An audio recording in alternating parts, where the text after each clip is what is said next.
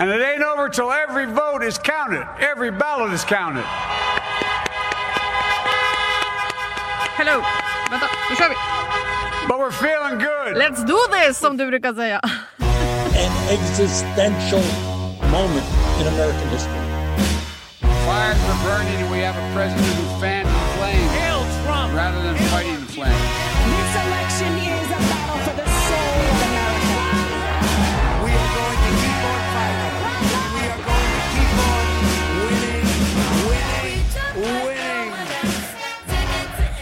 Varmt välkomna till Trumpageddon. Jag heter Jenny Ågren och du lyssnar på Aftonbladets podd om USA-valet. Jag har också med mig Nivetta Wood. Hej och hurra! Du är på benen igen! Hej, hurra!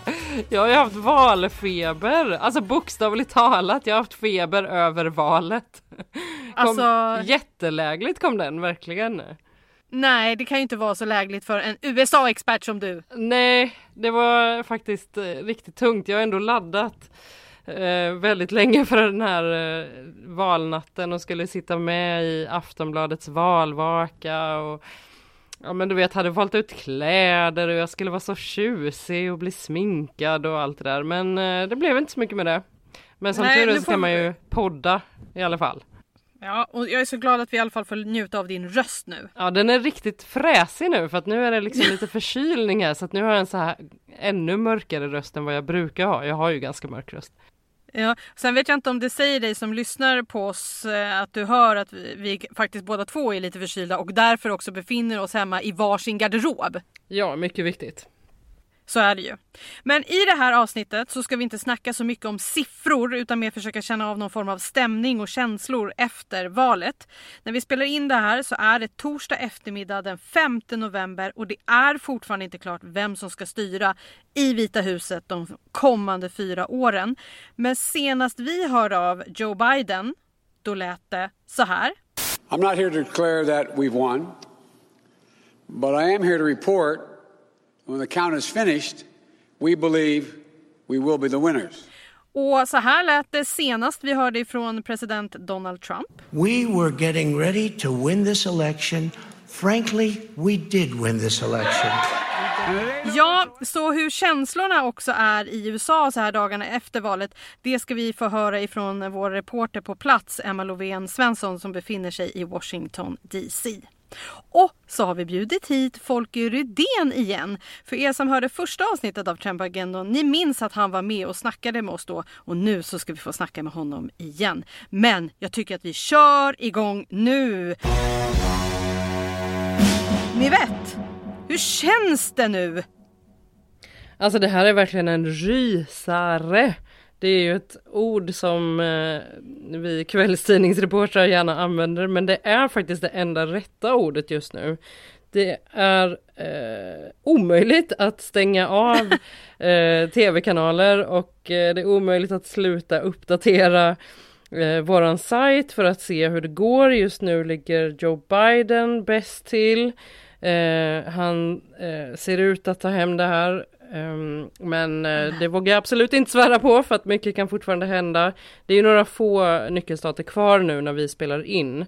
Men som sagt Biden leder ehm, och eh, ja, det räknas eh, röster för fullt i USA. Mm.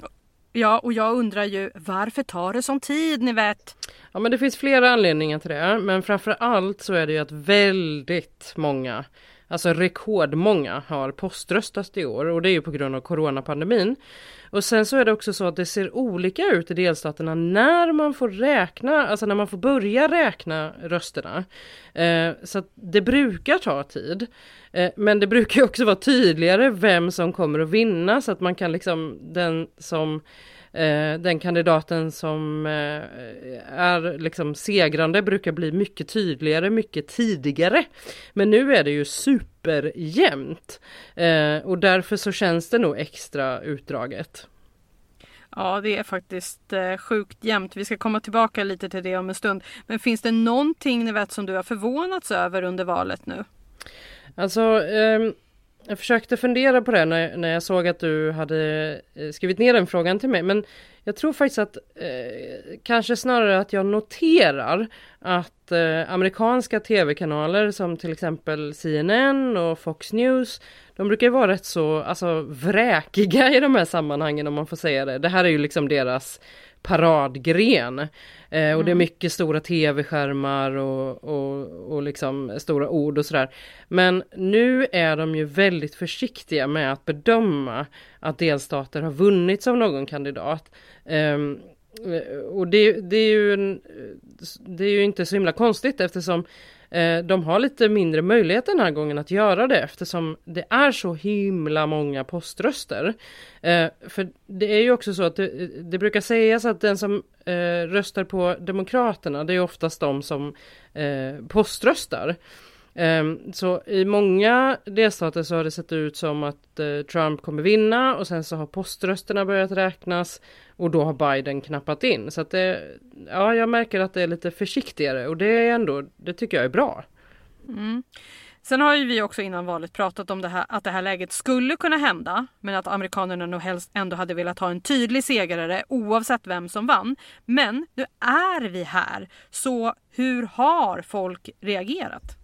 Ja, men det var ju ett drömscenario eller vad man ska säga. Men eh, alltså det, det, som folk framför allt har reagerat på det skulle jag nog säga är det här talet som vi lyssnade på tidigare eh, från eh, Donald Trump.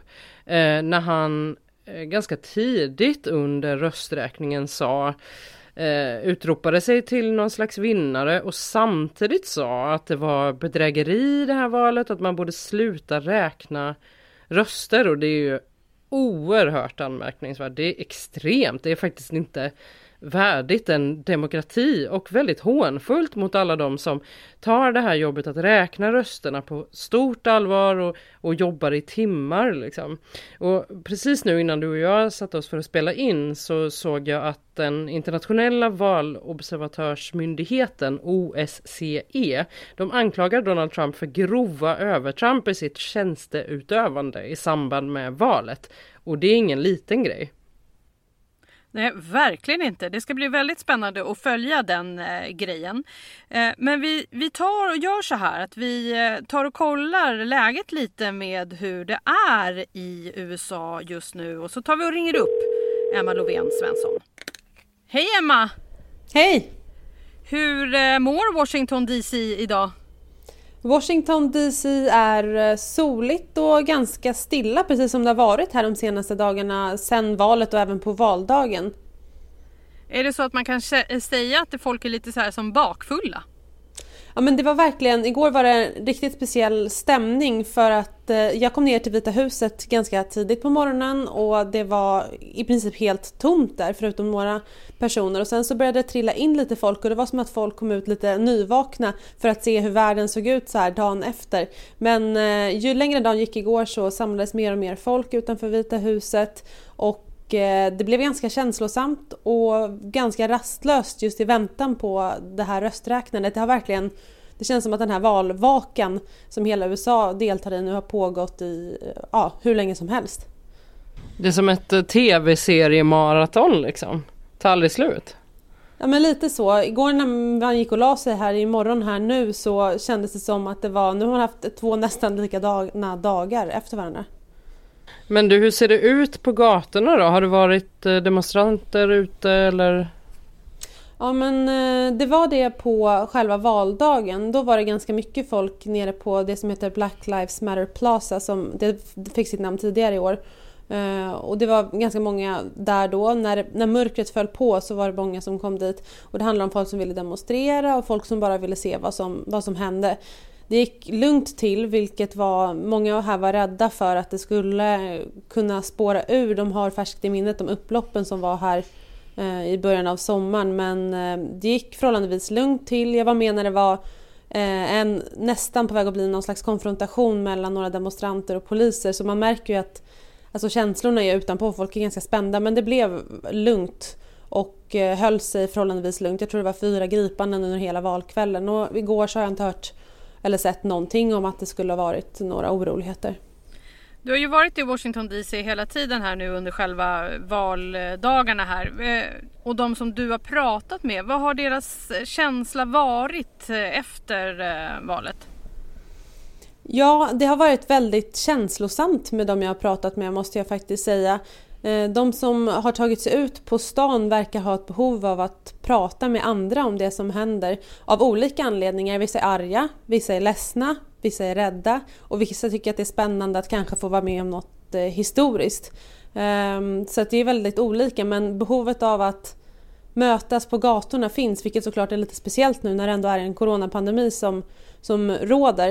Uh, men det, det, märks av att folk eh, vill se och höra varandra. Eh, men hur, vad tror du, kommer det bli mer oroligt om eh, liksom, resultatet drar ut på tiden? Det känns inte så nu. Samtidigt vet jag att polischefen här i Washington var ute redan förra månaden och sa att de räknar med att det blir oroligheter när man utser en president eller när det står klart vem som blir det oavsett vem som vinner. Och det här handlar om olika grupper som eh, eventuellt skulle kunna bli reagera olika på valresultatet och den stora risken är om flera olika grupper ger sig ut samtidigt och om de då skulle mötas. Så att från polisens håll så tror jag fortfarande att man är ganska på helspänn här även om man som besökare eller boende i Washington inte tycker att det känns särskilt oroligt eh, så just nu. Finns det en frustration över att det inte är klart än? Ja, jag tror så här. När jag pratade med folk innan själva valdagen så var det många som sa att ja men eh, vi vet att vi kommer behöva vänta, det är bara att vänta, vi kommer att ha tålamod. Men det är ju lite en annan grej att faktiskt vänta eh, när man vill veta hur det går och samtidigt så finns det två presidentkandidater som gör sitt bästa för att kommunicera ut sitt budskap eh, som är väldigt olika. Så jag tror att det är ganska många väljare som kanske tänkte att de absolut bara skulle kunna vänta men nu börjar tycka att det känns lite ja, men frustrerande och framförallt när det kommer så mycket olika budskap överallt ifrån hela tiden. Man, många amerikaner vill nog ha klart det här ganska snart. Här hemma i Sverige när vi tittar liksom på valresultatet som det ser ut just nu så är ju USA verkligen delat i 50-50. Är det, är det så också tänker du? Tycker du? Ja, det som är speciellt här i DC är att det är ju väldigt eh, präglat av eh, liberal politik och Demokraterna. Så de flesta man pratar med här, eh, skulle man bara vara här om man säger så, så skulle man ju tro att eh, Eh, Joe Biden skulle bli den självklara presidenten. Men sen så vet man om man reser runt i landet att det är annorlunda och det handlar ju om den här konflikten som har blivit så central liksom, i det här valet. Det handlar om allt från liksom Eh, kultur, etnicitet, det handlar om landsbygd och stad. Det är så mycket olika identiteter och olika bilder av vad USA är som ställs mot varandra och ställs på sin spets just nu. Och det känns ju som att även om det kanske inte är så helt 50-50 så är det som att det är verkligen två olika verkligheter som lever parallellt i USA. Emma, hur har det varit då att vara på plats i liksom huvudstaden, politikens mecka på något sätt? och följa det här? Jag tycker att jag menar, det har varit jättespännande såklart. Det är ju nästan obegripligt när man står där utanför Vita huset med alla människor att Trump och hans familj och hans stab sitter bara stenkast därifrån, på riktigt kanske 100-150 meter därifrån och planerar vad de ska twittra härnäst, vad de ska säga på pressträffar härnäst och vilket ska, ska vara deras budskap. Det är ju väldigt spännande att vara så nära det. Och igår märkte jag faktiskt att jag, det inte var bara mig det slog för när jag var där nere vid Vita huset så var det en man som kom ner och ställde sig vid det staket man har ställt upp mot Vita huset för att skydda mot kravaller och så och började skrika över det här staketet. Sluta twittra, sluta twittra. När Trump twittrade som mest igår om, om poströster och osäkra valresultat. Så att det är ändå, man märker ju att folk tänker på att det är här det faktiskt händer när man är här. Emma, hur, vad tror du kommer hända den närmaste tiden? Igår när jag gick och la mig här på natten, amerikansk tid, så trodde jag att jag kanske skulle vakna eh, med något slags valresultat från i alla fall några av medierna. Men nu när jag vaknade här på morgonen så känns det som att det här kommer nog kunna dröja alltså. Jag tror inte vi har tyvärr ett valresultat idag kan vara så att vi har ett imorgon men det här kommer bli utdraget. Det är en sak som är säker. Tack Emma för att vi fick en rapport från Washington DC. Självklart.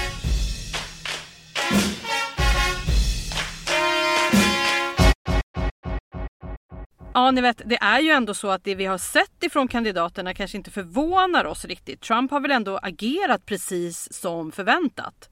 Ja, han har ju faktiskt det och, och det kanske ändå förvånar många eftersom Ja, men kanske tänkte man ändå att, att nu är det liksom på allvar, han kan säga saker på sina eh, kampanjmöten men nu när det faktiskt är valdags liksom att han skulle ja, jag vet inte, skärpa till sig lite. Framförallt för att det faktiskt är så att han faktiskt fortfarande kan vinna. Eh, och då är det väl ganska dumt att liksom säga saker som eh, att valet inte är legitimt och sådär. Men eh, det är ju trots allt Donald Trump vi pratar om. Han gör som han vill och han har alltid gjort som han vill och nu gjorde han så här. Och det är nog ändå inte riktigt någon som är förvånad över det. Så ni vet vad ska man säga om hans twittrande då? Ja men det finns jättemycket att säga om hans twittrande men, men jag, jag tror att jag nöjer mig med att konstatera att flera av eh, de inlägg som han skrev, eh, har skrivit sen, sen valnatten eller sen valet eh, har faktiskt flaggats för att inte vara helt faktamässigt korrekta och det kanske säger någonting bara det. Och nu när vi spelar in så har det ändå varit rätt tyst från hans läger under en ganska lång tid. Vad, vad tror du att det betyder? Eh, Jag tror att det betyder att eh, man har legat och sovit där borta. Eh, faktiskt, för det är tidig morgon eh, där Donald Trump eh, är. Eh, så kanske har han tagit sovmorgon, det, det kan man ju ändå unna eh, en person. Ehm, eller så är det så att man avvaktar lite. Eh, men det ska inte förvåna mig om han vaknar upp och, och twittrar snart, eller han kanske redan är vaken, men att, han, att Twitter kommer igång liksom. Men eh, sen är det ju också så här att Hans kampanj nu har ju, de, de höll en, en till pressträff eh, och berättade då om, eh, att man tycker att eh, saker och ting har gått fel eh, under valet och man har lämnat in också stämningsansökningar till domstolar i Michigan, i Pennsylvania eh, och i Georgia och så har man krävt en omräkning i Wisconsin. Eh, sen, det ska också sägas att alltså domstolarna eh, brukar inte vilja gå in och ändra eh, bara sådär utan det ska liksom eh, finnas en misstanke om lagbrott eh, framförallt för att man ska liksom plocka upp en sån här stämningsansökan eller då eh, om det är extremt jämnt i en, i en delstat som, som avgör valet då brukar det faktiskt automatiskt ske en omröstning. Eh, sen så brukar den väldigt sällan ge ett särskilt annorlunda resultat. Vi har ju sett några gånger, eller i till exempel valet 2000 så eh, blev det en, en omräkning som sen den gick hela vägen till högsta domstolen och då eh, stoppade man den. Eh, men i övrigt liksom i det vanliga så brukar det inte vara så att det gör en jättestor skillnad. Men det är ett, ett medel man kan ta till och det har ju Trump-kampanjen gjort nu. Ja, det känns ju ändå som de flesta kanske hoppas ändå att man ska inte ska behöva gå igenom det. Ja, man får ju så att säga. Det, han är i sin fulla rätt att eh, kräva detta eh, genom det sätt som han har gjort nu. Eh, men vi får väl se hur det, vad som händer där. Mm. Och sen var det så här, Joe Biden han pratade ju också på onsdagskvällen. Han var ganska presidentlik då när han pratade om att alla röster ska räknas och att alla röster är viktiga. Och att han kommer vara en president för alla invånare i USA, inte bara de som har röstat på honom. Det skiljer sig ändå ganska mycket från hur, hur Trump eh, pratade.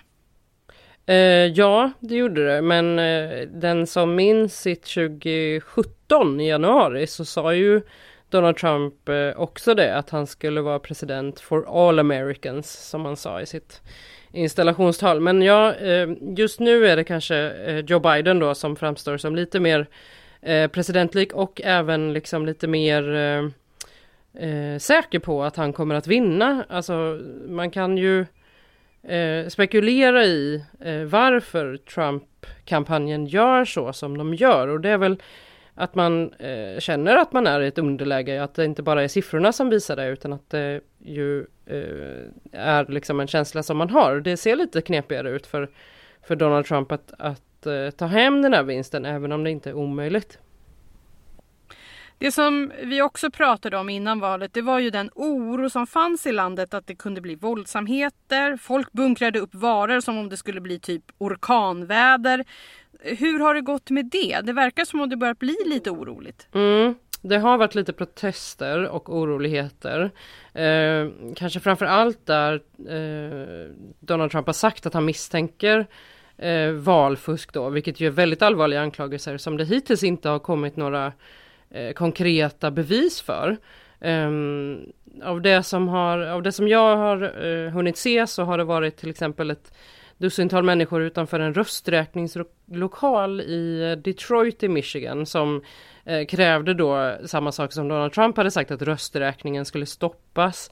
Um, och Michigan har ju sedan uh, eh, Joe Biden uh, vunnit liksom. Eh, så där är det ju, eh, ja men det är ju en av de delstaterna som Trump har plockat upp då. Ehm, och eh, jag tror också, jo men det var också protester i, eller det har varit protester i New York och Portland och Minneapolis. Men man ska också komma ihåg en sak och det, det här med hur, hur liksom amerikaner ser på eh, staten. Liksom.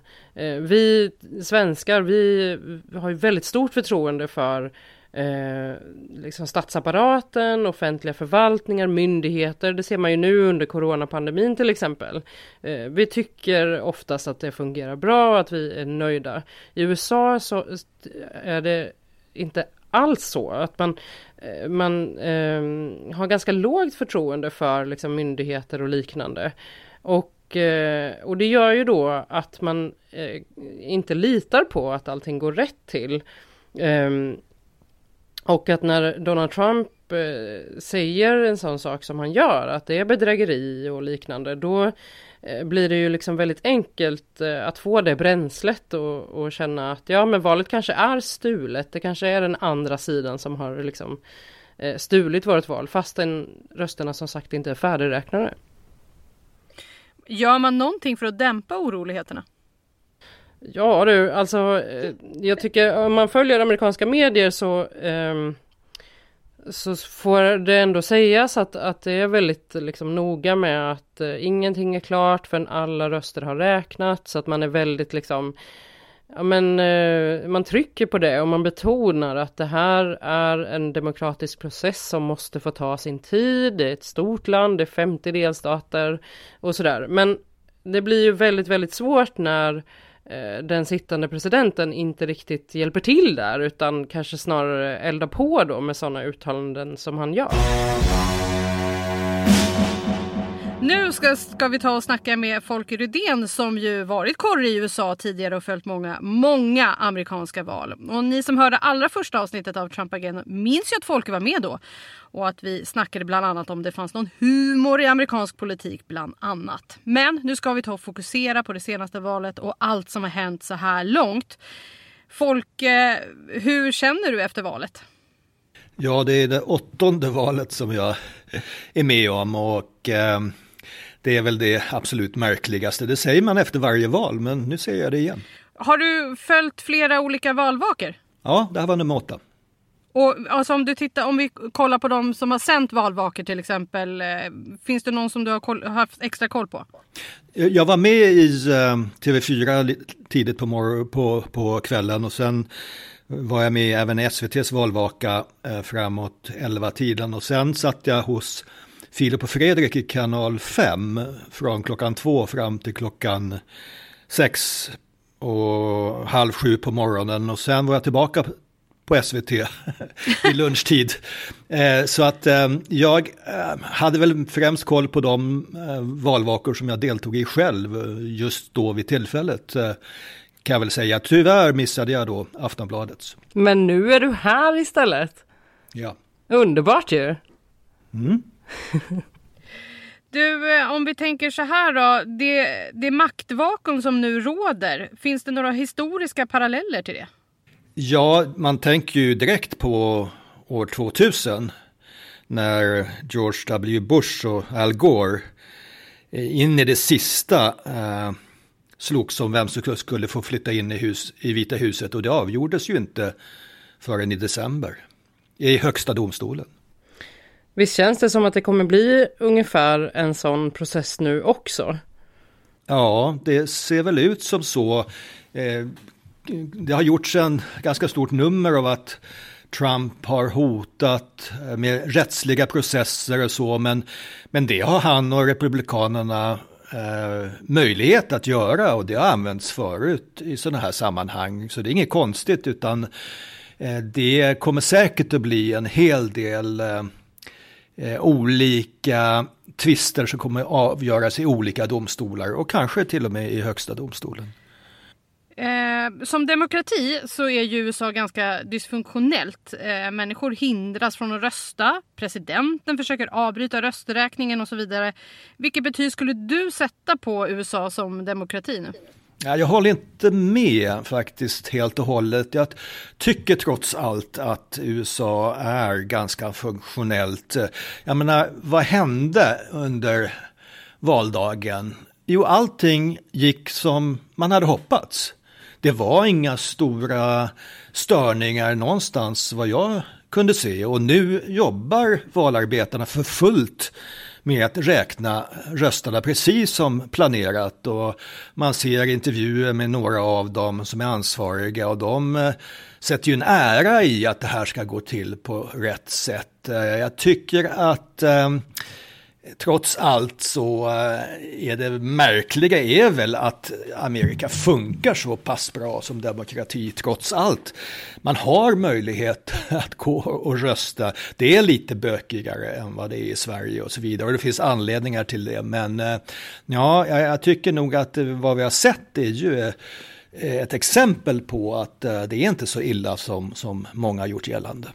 Men visst är det också lite fint att um om man tittar till exempel på CNN eller på någon annan tv-kanal att de eh, varje gång de intervjuar de här olika valarbetarna så tackar de för Thank you for your service säger de och att det verkligen det hyllas verkligen att vara ja, men, valobservatör eller rösträknare. Det tycker jag är ganska, det är rätt häftigt. Det är ju ändå alltså 50 delstater, det är ju nästan som att vi skulle, inte, inte riktigt, men att det skulle vara 50 länder som röstade. Så att med tanke på det och med tanke på att det är en, en pandemi och att de här eh, olika delstaterna faktiskt har olika regler för när de får börja räkna rösterna och sådär så mm. håller jag med om att det faktiskt eh, har gått eh, bättre än, än förväntat i alla fall. Ja, är inte det ett exempel på att det verkligen är funktionellt istället för dysfunktionellt? Ja, vi, vi, vi får säga så helt enkelt. Men jag tänkte så här, finns det någon oro för att om det nu skulle vara så att man går in och stoppar de röster som faktiskt är giltiga, att inte från att räknas, finns det då någon form av hot mot eh, demokratin? Det tror jag. Det finns nog alla möjliga, möjliga skäl eh, och anledningar att vara väldigt på tårna här och eh, se vad som håller på att hända. Och eh, Trump han är ju inte främmande för att elda på sina anhängare. Eh, så att eh, bara för att det har funkat väldigt väl och, och gått lugnt tillväga hittills så betyder ju inte det att eh, kommer fortsätta på det sättet. Samtidigt ska man nog vara försiktig med att gå ut och påstå att ligger nära till hands att det blir upplopp och så vidare. För det kan vara lite av en självuppfyllande profetia att göra så.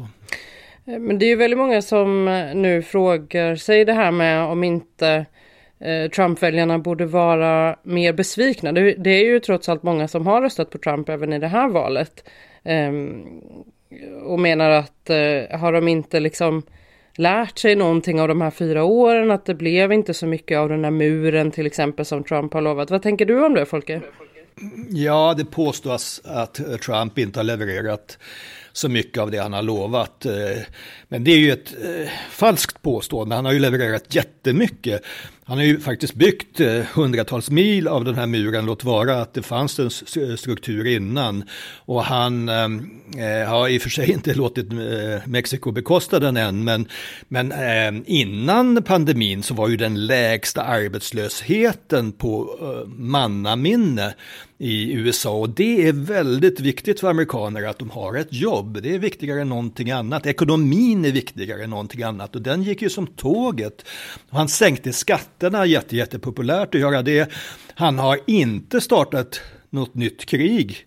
Jag menar, nämn en president som inte har gjort det. Det lovade han att göra att inte göra och det har han hållit och han har också börjat ta hem eh, trupper från Afghanistan, Irak och så vidare. Han har eh, lyckats medla någon form av eh, eh halvfred i Mellanöstern mellan Israel och Gulfstaterna. Vem har gjort det förut?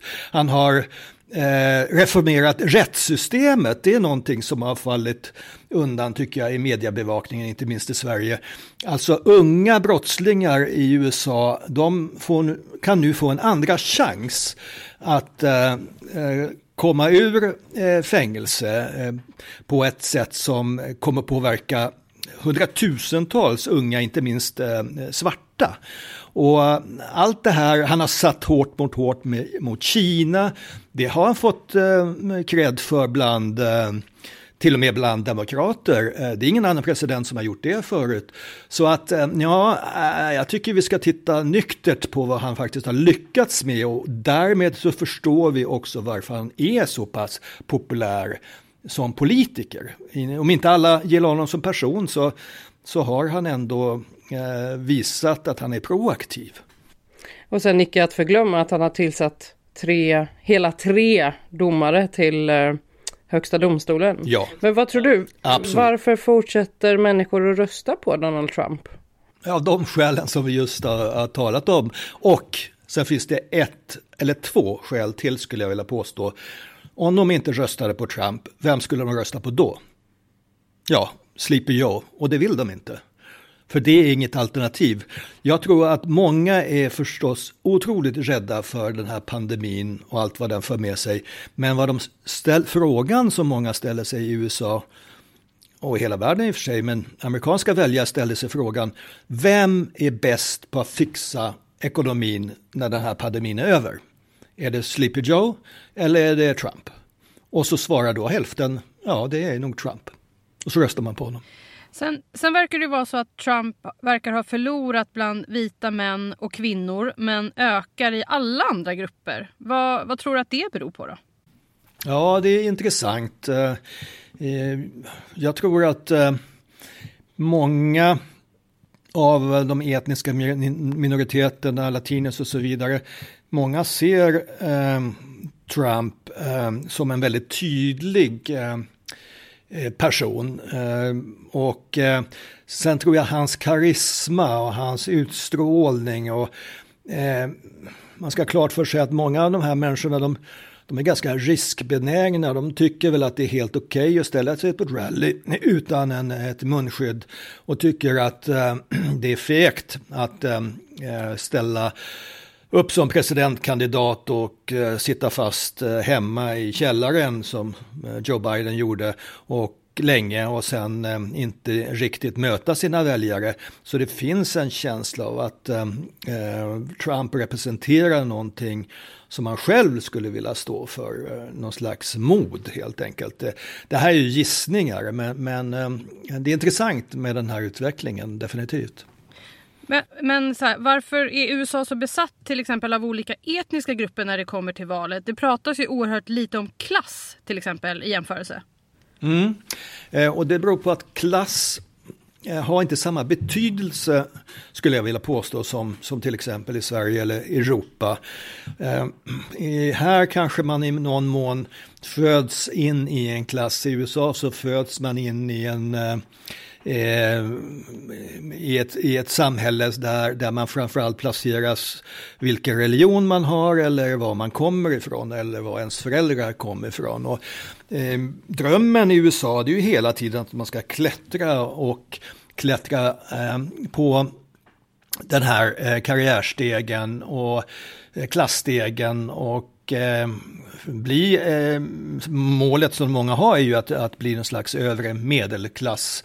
Och eh, det, det är ju någonting som alla omhuldar, den här möjligheten att all, alla kan, kan leva upp till sin God-given potential som det heter. Och, och det är viktigare kanske än att eh, man eh, fastslår att man tillhör en klass som man inte kan ta sig ifrån.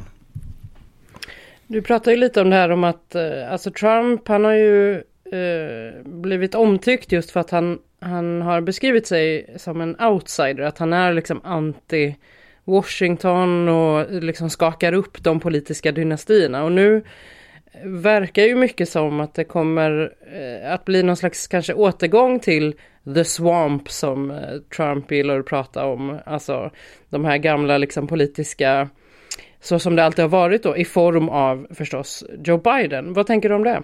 Ja, det är väldigt intressant och eh, jag tänker att eh, eh, man talade om det här valet som en folkomröstning om Donald Trump och vad är resultatet? Jo, att nästan hälften av väljarna faktiskt tyckte att han skulle få förnyat förtroende, alltså valutgången är väl den sämsta möjliga. Den gav ingen tydlig vinnare utan eh, nu om det blir Biden så betyder det att halva väljarkåren inte kommer att känna sig representerade på något sätt. Och det kan ju leda till både det ena och det andra. Den här halva väljarkåren är ju inte representativ homogen grupp på något sätt men, men eh, eh det kan nog eh, visa sig att eh, Eh, många känner sig enormt frustrerade och eh, det talats om att eh, man vill ge delstaterna ännu mer makt och inflytande och man vill fjärma sig ännu mer ifrån, från Washington och The Swamp som du säger.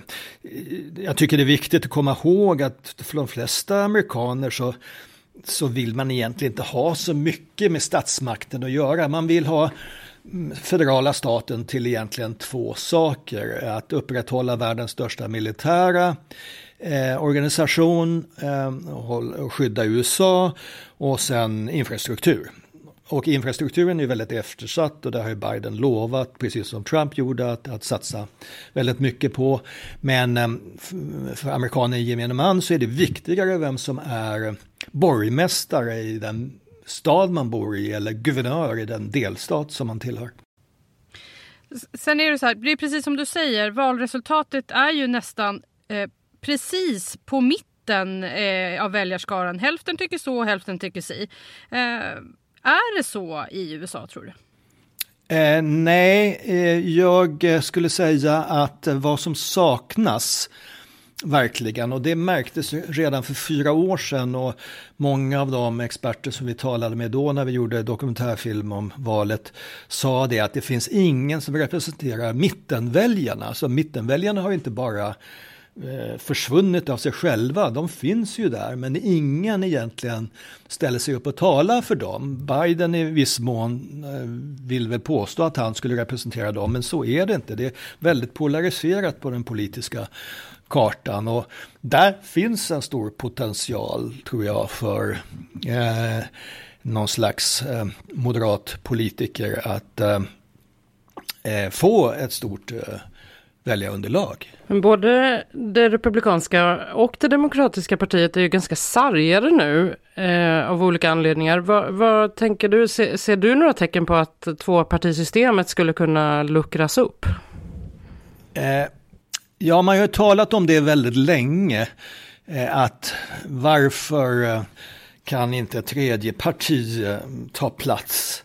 Och man tycker ju att nu, om inte annat, så borde det finnas möjlighet. Och varför finns det inte en tredje presidentkandidat? Det har väl inte funnits någon sedan Ross Perot 1992 ställde upp och fick en 8-10 procent av rösten och bidrog till att Bill Clinton faktiskt blev president det är eh, snarare så tror jag att de här partierna, Republikanerna och Demokraterna, de måste reformeras inifrån eh, istället. Eh, för att eh, systemet är så pass låst att det verkar jättesvårt för någon slags folkrörelse att bilda ett tredje parti som får någon som helst eh, eh betydelse.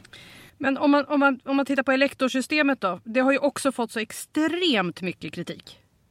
Ja, och det, det är ju med viss rätt eh, som det är så. För det är ju väldigt föråldrat eh, genom att det kom till under en period då eh, delstaterna var livrädda för att eh, Eh, presidenten skulle få stor makt eh, och eh, små delstater inte skulle kunna klara sig överhuvudtaget. Så att det tillkom ju, som så mycket i USA, så tillkom det i en anda av att människor som kände sig förtryckta av sina regimer i sina gamla hem, europeiska hemländer flydde till USA och ville skapa ett system där man inte kunde bli förtryckt ifrån eh, statsmakten. Det hänger ihop med det, eh, men eh, det hörs ju hela tiden eh, krav på att det ska reformeras eh, på olika sätt.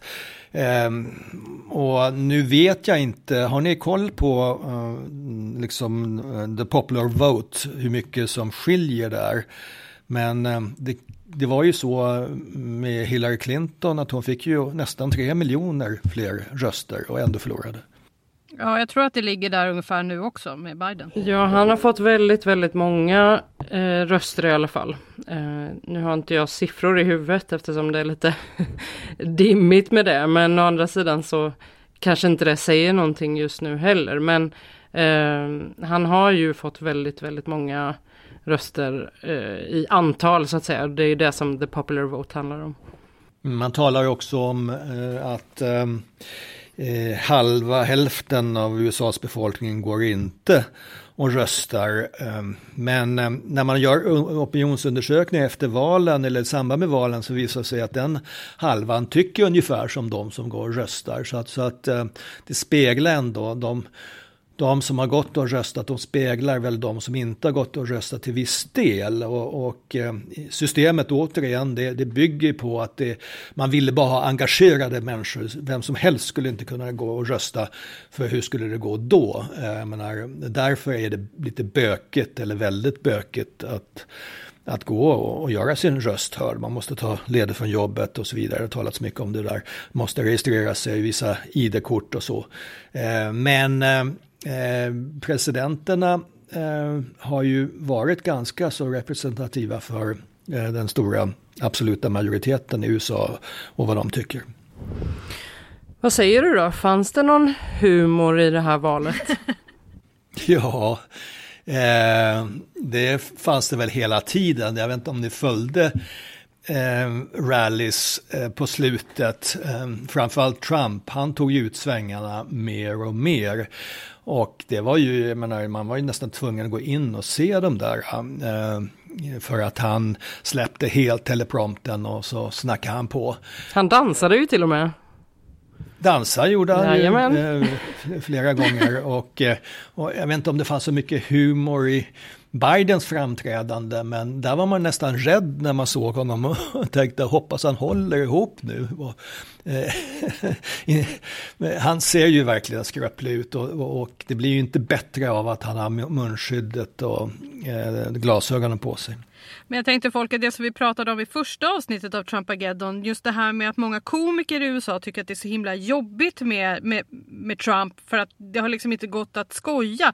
Vad tror du kommer hända om det nu blir Biden som blir president? Ja, kommer vet... de liksom gå tillbaka till hur det var förr? Ja, jag vet inte om ni såg eh, Saturday Night Live nyligen när de gjorde sin parodi, Jim Carrey gjorde sin parodi på Joe Biden. Jo, det, det var, fruktansvärt kul, håll med om det alltså. Ja, mm. Fruktansvärt kul, medan eh, Trump-parodin är ju inte lika eh, vass. Eh, men Biden blir ju jättetacksam och, och skoja med och göra satir på. Varför då? Jo, därför han är politiskt korrekt och ganska konventionell som politiker.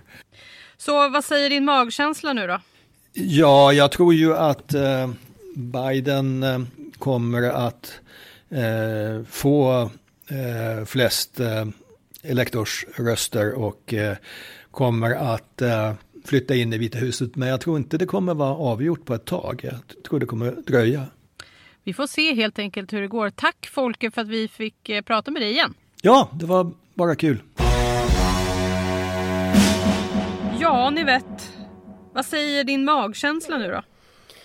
Ja, herregud. Eh, jag vågar inte lita på den eftersom eh, den gav mig eh, valfeber och allt. Men, eller ja, det var inte magens fel faktiskt. Men alltså, nej, jag vågar inte gissa, men, men skitsamma, jag gör det ändå. Gör det! Det ser ut som att Joe Biden kommer att ta hem det här. Eh, Det gör det. Eh, eh, Det får man ändå säga. Men det är, alltså det är väldigt, väldigt jämnt och det är väldigt, väldigt spännande fortfarande. Mm. Jag håller med dig. Vi kanske ska vara lite delade där så vi ändå har 50-50 från oss Ja, det kanske är bäst. Trumpageddon. Ja. Ja. så då, då tror jag på Trump nu då. Ja, men gör det.